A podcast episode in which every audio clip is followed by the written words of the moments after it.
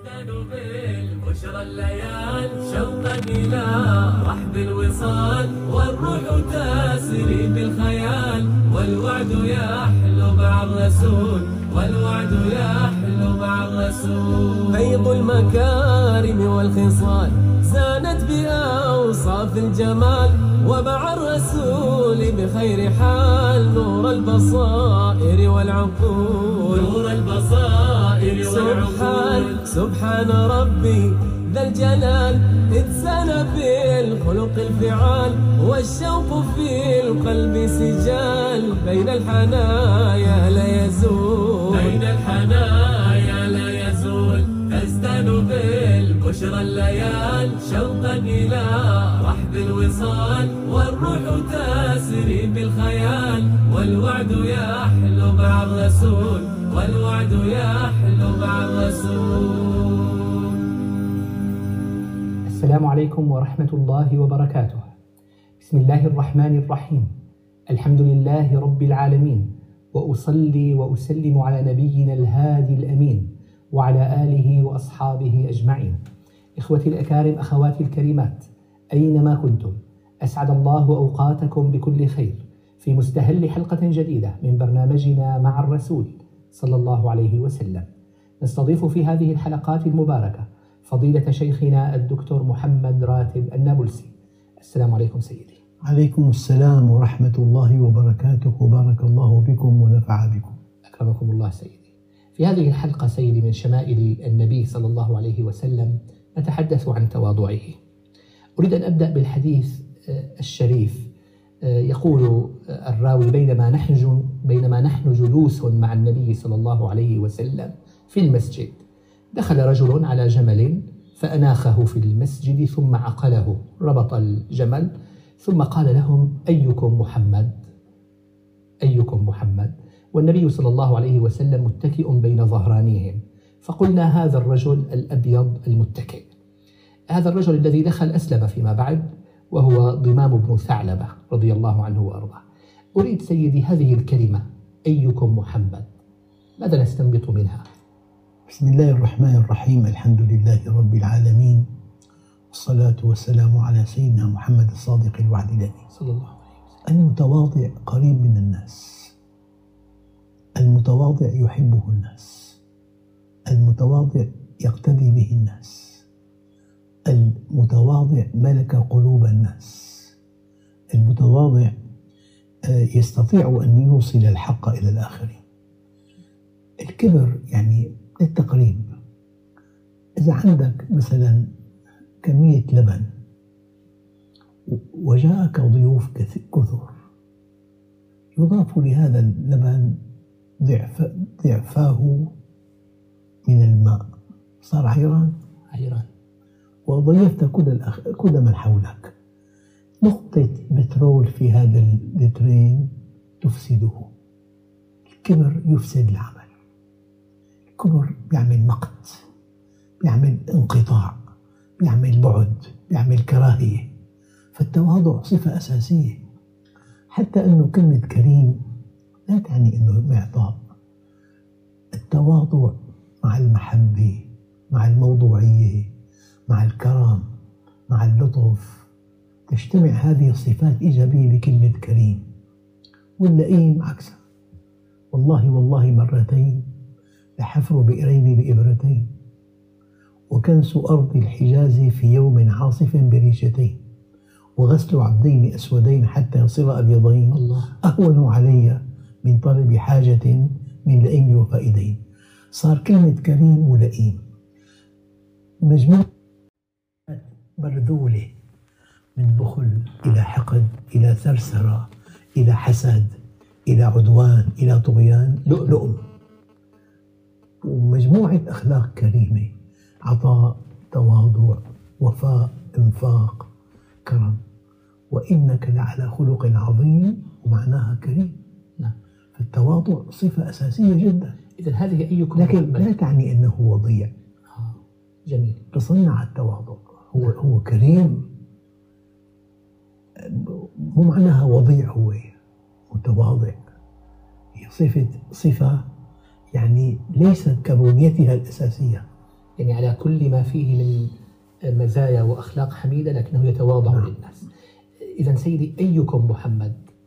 لم آه. يكن له إذا يعني أيام بيكون له مثلا مقام كبير يعني عرش معين. كراسي غالية جدا. خدم به. يعني يعرفه الناس بشكل صارخ. أما هو عادي. يعني لما لما مشى في نوبته تو- توسلا صاحبه أن يبقى راكبا. قال ما أنتما بأقوى مني على السير ولا أنا بأغنى منكما عن الأجر. متواضع له أجر. صار قريب من الناس قريب من الضعفاء قريب من المساكين قريب ممن حوله. فالتواضع شيء سحري مفتاح عجيب متواضع له تأثير كبير جدا. آه، نعم سيدي. إذا هنا يحضرني شيء مهم جدا سيدي. الله تعالى يقول ورفعنا لك ذكرك. ما علاقة التواضع برفعة الذكر؟ يعني بعض الناس يظن أنه يرفع ذكره بنفسه. لكن بدي بدي اسبقها بمثل نعم. يعني نحن إذا كان واحد أقرض مبلغ من المال قرض ربوي أقرض مئة ألف رد له المبلغ 120 على الآية الحاسبة ممتاز. نعم.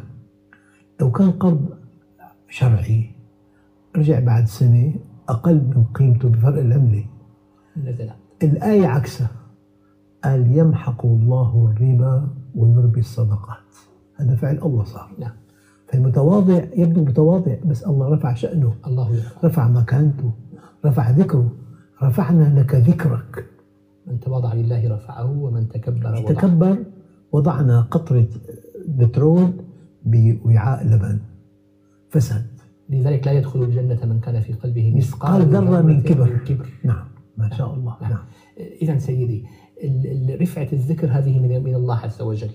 بعض الناس مهما بذل في سبيل أن يرفع ذكره لا يجد ذلك.